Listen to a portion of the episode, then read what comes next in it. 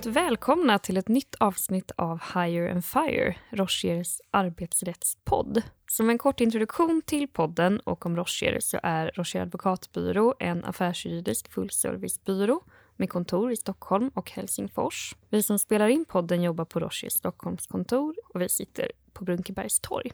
Hire and Fire handlar om arbetsrätt i praktiken och riktar sig främst till dig som kommer i kontakt med arbetsrätt på jobbet. Eh, antingen som bolagsjurist eller som HR-person eller personalchef men också dig som är nyfiken på arbetsrätt generellt och vilka frågor som kan dyka upp på en affärsjuridisk byrå. Mitt namn är Elin Osbeck och jag är associate i Rochers arbetsrättsgrupp. Och eh, med mig i studion idag har jag min kollega Jenny Velander Wadström som är partner och advokat i arbetsrättsgruppen. Du ska få presentera dig själv Jenny. Ja, hej. Det var ett tag sedan jag var med i podden, eh, men jag heter alltså Jenny Velander Wadström och eh, jag är ansvarig för Rochers arbetsrättsgrupp här i Sverige. Jag har jobbat med arbetsrätt i drygt 15 år och de senaste 10 åren på Rocher. Jag har också varit eh, biträdande rättssekreterare i Arbetsdomstolen och tycker uppenbarligen att det är väldigt kul med arbetsrätt. Välkommen! Tack! Idag ska vi prata om verksamhetsövergångar. Och som en introduktion till det kan man säga att det har kommit två väldigt spännande rättsfall eh, från EU-domstolen. Precis, efter ett ganska långt uppehåll vad gäller intressanta domar så har faktiskt kommit två stycken under våren här. Eh, och det ena handlar om bussverksamhet och det heter Grafe och Pole. C298 eh, för 18. Och det andra, ett belgiskt mål som handlar om ISS Facility Services och Sonja Govertz. Och det heter C344 för 18. Och båda är faktiskt väldigt intressanta och eh, sätter lite myror i huvudet på oss praktiker, kan man minst sagt säga. Spännande. Det ser vi fram emot att höra mer om. Mm. Men så idag ska vi djupdyka i ämnet verksamhetsövergångar.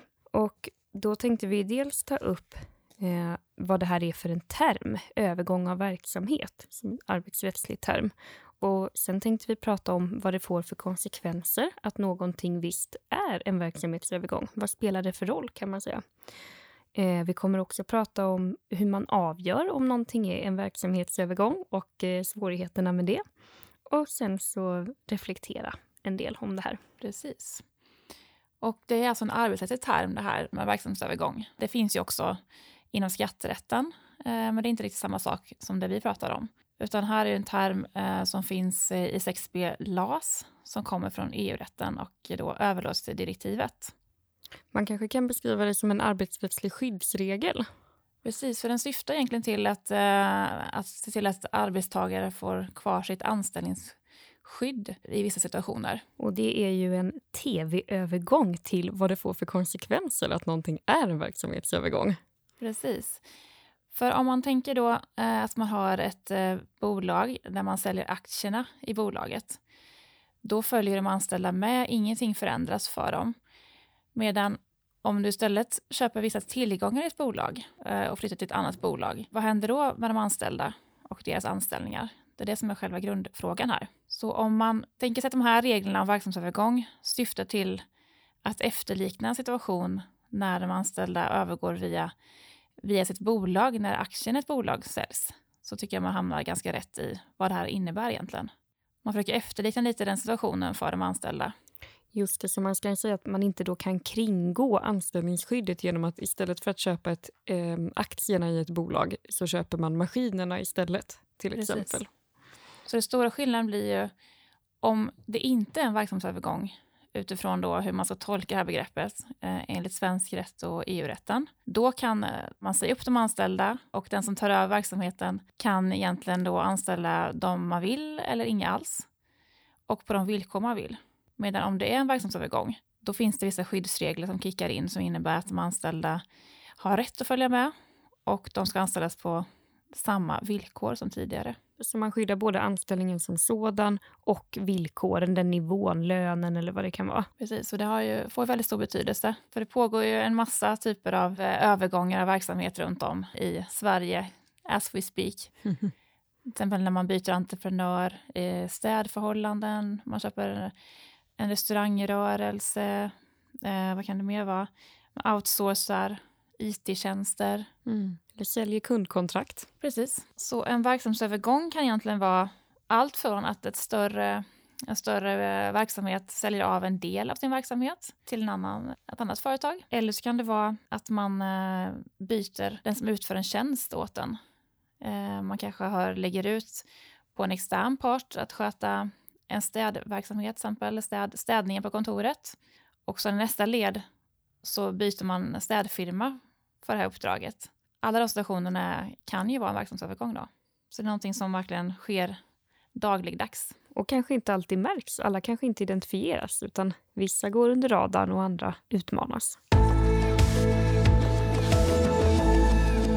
Nu när vi har förstått lite mer om vad eh, en verksamhetsövergång kan vara så vill vi ju, tänker jag, djupdyka i hur man avgör det här.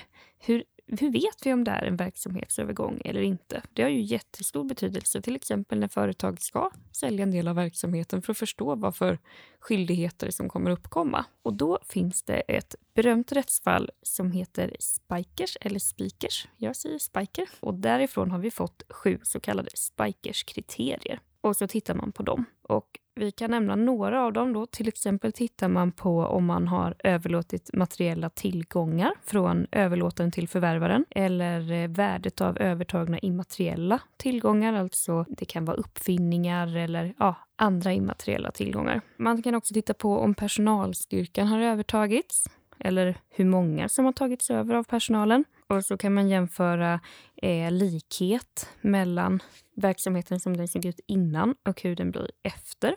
Och också till exempel kunder. Precis, för det handlar om här att avgöra, är det här en ekonomisk verksamhet som övergår en ekonomisk enhet, brukar man säga. Eller är det bara vissa spridda tillgångar som övergår? För om det är en ekonomisk enhet, då anser man att eh, det finns eh, ett intresse för de anställda att få behålla sina anställningar. Men köper man bara vissa spridda tillgångar så tycker man inte att de ska ha rätt att följa med. Nej. Och då är ju en viktig fråga när man håller på att avgöra det här om alla sju kriterier är lika viktiga oavsett vilken verksamhet det rör sig om. Är det liksom en poängsport? Så att ja, men nu fick du en, två, tre bockar eller hur funkar det Jenny? Nej, men det handlar ju om först att avgöra om det här är en ekonomisk enhet eller en rörelse som sådant. Det som man har tänkt då överlåta eller sälja. Mm. Och då tittar man mycket på vad är det för typ av verksamhet som vi har framför oss och vad är viktigt i den verksamheten. Och de tillgångar som är viktiga då i just den här verksamheten, kommer de övergå eller inte? Till exempel kan ju då kunderna i en revisionsverksamhet vara viktiga, men mm. kanske eh, maskinerna i en industripark? Eller? Precis, så här skiljer man mellan då kapitalintensiv och personalintensiv verksamhet. Så i kapitalintensiv verksamhet, som till exempel eh, bussverksamhet, som faktiskt var uppe ett av de här målen från EU-domstolen, då har man ansett att det är en kapitalintensiv verksamhet. För bussverksamhet kan ju inte fungera utan bussarna. Så det blir en viktig fråga då, kommer de här bussarna följa med eller inte till den nya ägaren? Just det, så som vi förstod det innan då, eh, innan det här nya spännande rättsfallet, så var det i princip så att om inte bussarna överläts, eh, då kunde inte det vara en verksamhetsövergång i bussverksamhet. Precis, då finns det en dom som heter Liken från förr, de är ganska gammal nu, där man såg fast det att eh, om inte bussarna övergick vid byte av då bussentreprenör så var det inte en verksamhetsövergång.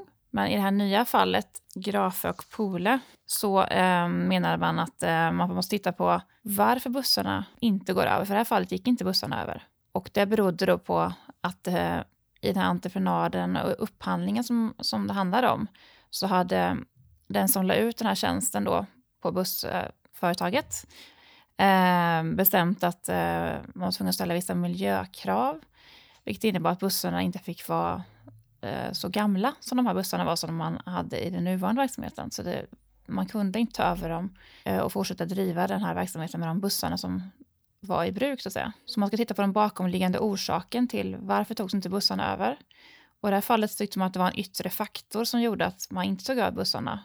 Mm. För det har inte varit försvar, försvarbart att ta över de här bussarna, så de var så pass gamla. Man kunde bara använda dem i två år till, så man var tvungen att köpa nya bussar, vilket fall som helst, för nya entreprenören då. Eh, och då ska man bortse från eh, att bussarna inte övergick i det här fallet. Så det var eh, en stor nyhet. Verkligen nya bud. Mm.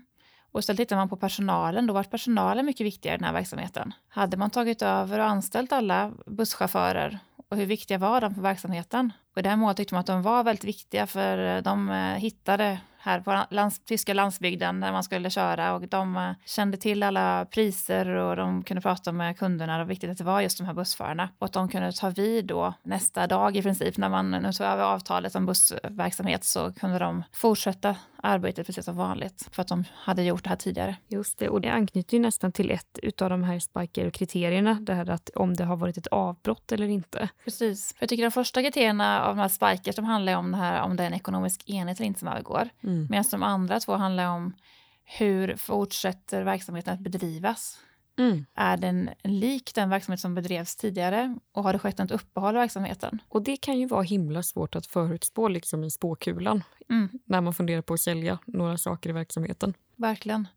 Det är inget man vet på förhand, eh, oftast när man sitter då, som vi gör som rådgivare och ska avgöra hur man ska hantera när man ska köpa tillgångar. Är det här en verksamhetstillgång eller inte? Mm. Så man skiljer mellan kapitalintensiv och personalintensiv verksamhet och de kollar på personalintensiv verksamhet som som städverksamhet till exempel anses vara. Mm. Tittar man på eh, hur många som den nya då entreprenören tog över eh, och vilka tog man över? Tog man över de som var lite extra viktiga, till exempel då de som har lite ledande befattning eller som hade gruppansvar eller så. Mm. Som då för att hålla ihop verksamheten var viktiga för detta. Och nu har vi pratat en del om anställdas rätt att följa med. Men hur är det, måste man gå med? Eller vad händer då? Det var en ledande fråga. Ja, precis.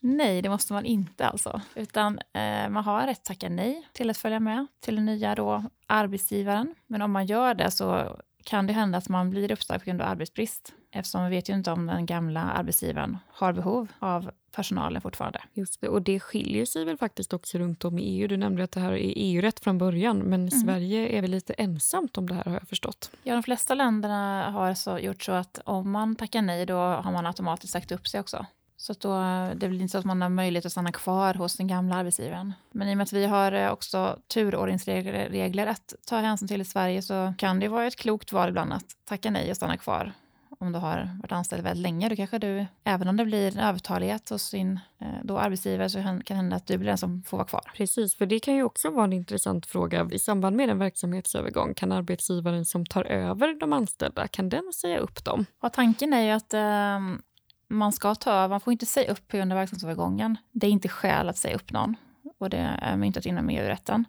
Men eh, däremot, när du väl tagit över personalen som ny då entreprenör, så har du eh, rätt att säga upp dem precis som, som tidigare. Men eh, då kan det hända att om du har egna anställda så blir turordningslistan lite annorlunda än, än den var tidigare. Just det, för de får ju räkna då, de anställda har rätt att räkna sin anställningstid som de hade hos överlåtaren, hos den som nu har tagit över den här verksamheten. Mm. Och där kan vi prata lite om det här eh, andra nya målet. Tidigare har man tänkt så här att alla som jobbar till övervägande del med en verksamhet som ska säljas, som är knutna till den, har rätt att följa med och då går man över på heltid då till den nya arbetsgivaren. Huvudförvärvarprincipen kallas det för. Men i det här nya rättsfallet så kom man fram till att eh, då var det nämligen så att det var två stycken parter som tog över en entreprenad som tidigare legat på en part. Att då skulle de anställda inte övergå till en av dem utan man skulle dela upp anställningen. Så jobbar du till exempel 60 procent i den ena verksamheten så skulle du få gå över till 60 procent till den arbetsgivaren och jobbar du 40 procent i den andra delen så skulle du gå över till 40 procent till den arbetsgivaren. Det låter som att det kan få komplicerade konsekvenser. Verkligen. Det här känns ju eh,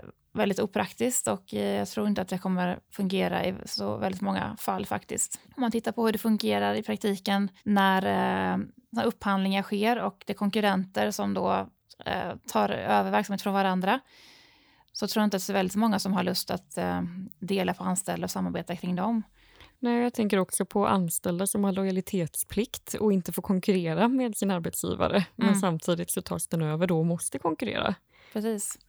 Och då sa EU-domstolen också att om det inte går att dela upp anställningen eller blir försämring för de anställda så ska istället de här som tar över den nya entreprenören då, de ska istället dela på uppsägningskostnaderna för personerna. Det blir också väldigt svårt att få in i hur vi gör i Sverige när det gäller med att tacka nej. För frågan är om man tackar nej då, har man då ändå rätt att vara kvar hos en tidigare arbetsgivare eller innebär det att eh, förvärvarna ska stå för uppsägningskostnaderna?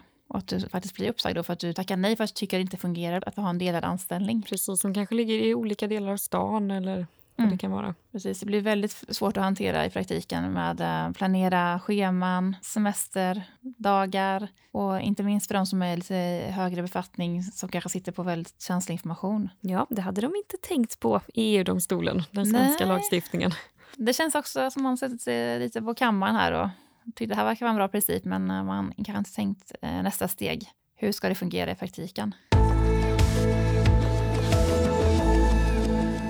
Vi kan väl börja med att sammanfatta vad en verksamhetsövergång är då. Det är inte så lätt att avgöra, men det handlar om att eh, försöka avgöra om de tillgångar som övergår tillsammans utgör en verksamhet, en ekonomisk enhet. Plus att den här enheten då ska bedrivas på ett likvärdigt sätt hos den nya då, arbetsgivaren. Och om det då är så att det är en ekonomisk enhet som övergår, och man bedömer det, så ger det då ett visst anställningsskydd till de anställda som jobbade i verksamheten innan övergången. Precis. De har rätt att följa med hela bunten som jobbar till övervägande del i verksamheten och de har rätt till samma villkor som tidigare.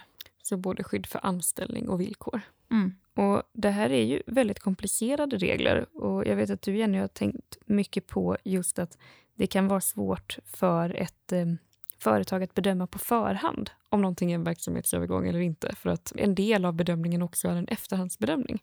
Mm. Nej, men du måste kunna överblicka slutresultatet, vilket du inte kan oftast. Utan du sitter i ett tidigt skede eh, och du vet att du kanske har blivit av med ett avtal, eh, serviceavtal och eh, du vet inte hur nästa entreprenör kommer driva verksamheten och vilka de skulle vilja ta över. Ja, för så är det ju många av bolagen som gör den här typen av förvärv och eh, där det sker en verksamhetsövergång eller man är osäker, de försöker ju hantera den här osäkerheten i sitt avtal mellan varandra. Mm. Man försöker bedöma och säga att då tar vi över de här och sen så eh, lägger vi upp kostnaderna eller fördelar dem på det här sättet. Men vissa av de här som du nämnde innan, om det är en entreprenadbyte, de har ju inte ens ett avtal med varandra. Nej, precis. Det är bara två oberoende spelare som oftast är konkurrenter. Och om du skulle göra ett medskick, Jenny, vad tycker du att det viktigaste är att bolag tänker på när man står inför en sån här situation och någonting kanske kommer vara en verksamhetsövergång eller man funderar på att sälja tillgångar? Ja, men det gäller ju att eh, tänka till här om man till exempel är den som säljer tillgångar. Har man rätt att säga upp de anställda för att man inte tycker att man behöver dem längre? Eller är det en verksamhetsövergång så att man måste då se till att de erbjuds att komma över till den nya spelaren? Och om man är i en sån situation att man har ett avtal med varandra för att man köper tillgångar eller så, att titta tillsammans ordentligt på vilka anställda det finns och som skulle kunna gå över så att man gör ett ordentligt förarbete Mm. och inte blir, försöker att inte bli överraskade sen. Precis. För de eh, domar man läser då handlar det om att, eh, att anställelsen kommer med krav och de kan gå på både sin före detta arbetsgivare, den tidigare arbetsgivaren och den nya så att säga. Gemensamt intresse och ansvar för att Mm. lösa de här frågorna. Mm. Så sammanfattningsvis, borde man tänka efter före? Mm. De här frågorna om verksamhetsövergångar är bland de mest komplicerade som, eh, som vi ger råd i. Dels är reglerna väldigt komplexa. Det handlar om att ha väldigt mycket information för att kunna ta ställning. Och oftast så är man inne i ett väldigt tidigt stadium av processen när man inte har fulla bilden. Så det innebär att det, förutsägbarheten är väldigt låg. Och det är ju aldrig bra när det gäller rättsregler som får stora konsekvenser. Precis, det får både stora konsekvenser för överlåtaren, förvärvaren, för förhandlingsskyldigheten. För anställda. Mm. Och särskilt komplicerat är det när det handlar om byte av entreprenörer. När det inte finns något avtal heller mellan parterna som verksamheten går över emellan. Precis. Ingen naturlig kontaktpunkt. Nej, och då kan man säga den osäkerhet som finns i reglerna som eh, avtalsparter kanske försöker lösa mellan varandra. Den har ju de då inte som entreprenörer utan de har ju oftast ingen avtalsrelation. Precis, den här får den som beställer tjänsten gärna vara väldigt proaktiv och ha bra avtal. Så det är ett tips till dig som beställer tjänster. Precis. Och med de orden är det dags för oss att avsluta det här avsnittet om verksamhetsövergångar. Men eh, om ni har frågor får ni gärna höra av er. Kontaktuppgifter till mig, Elin Osbeck och Jenny Welander Wadström finns på hemsidan. Och vi har också en e-mailadress, at rochier.com. Hej då! Hej då!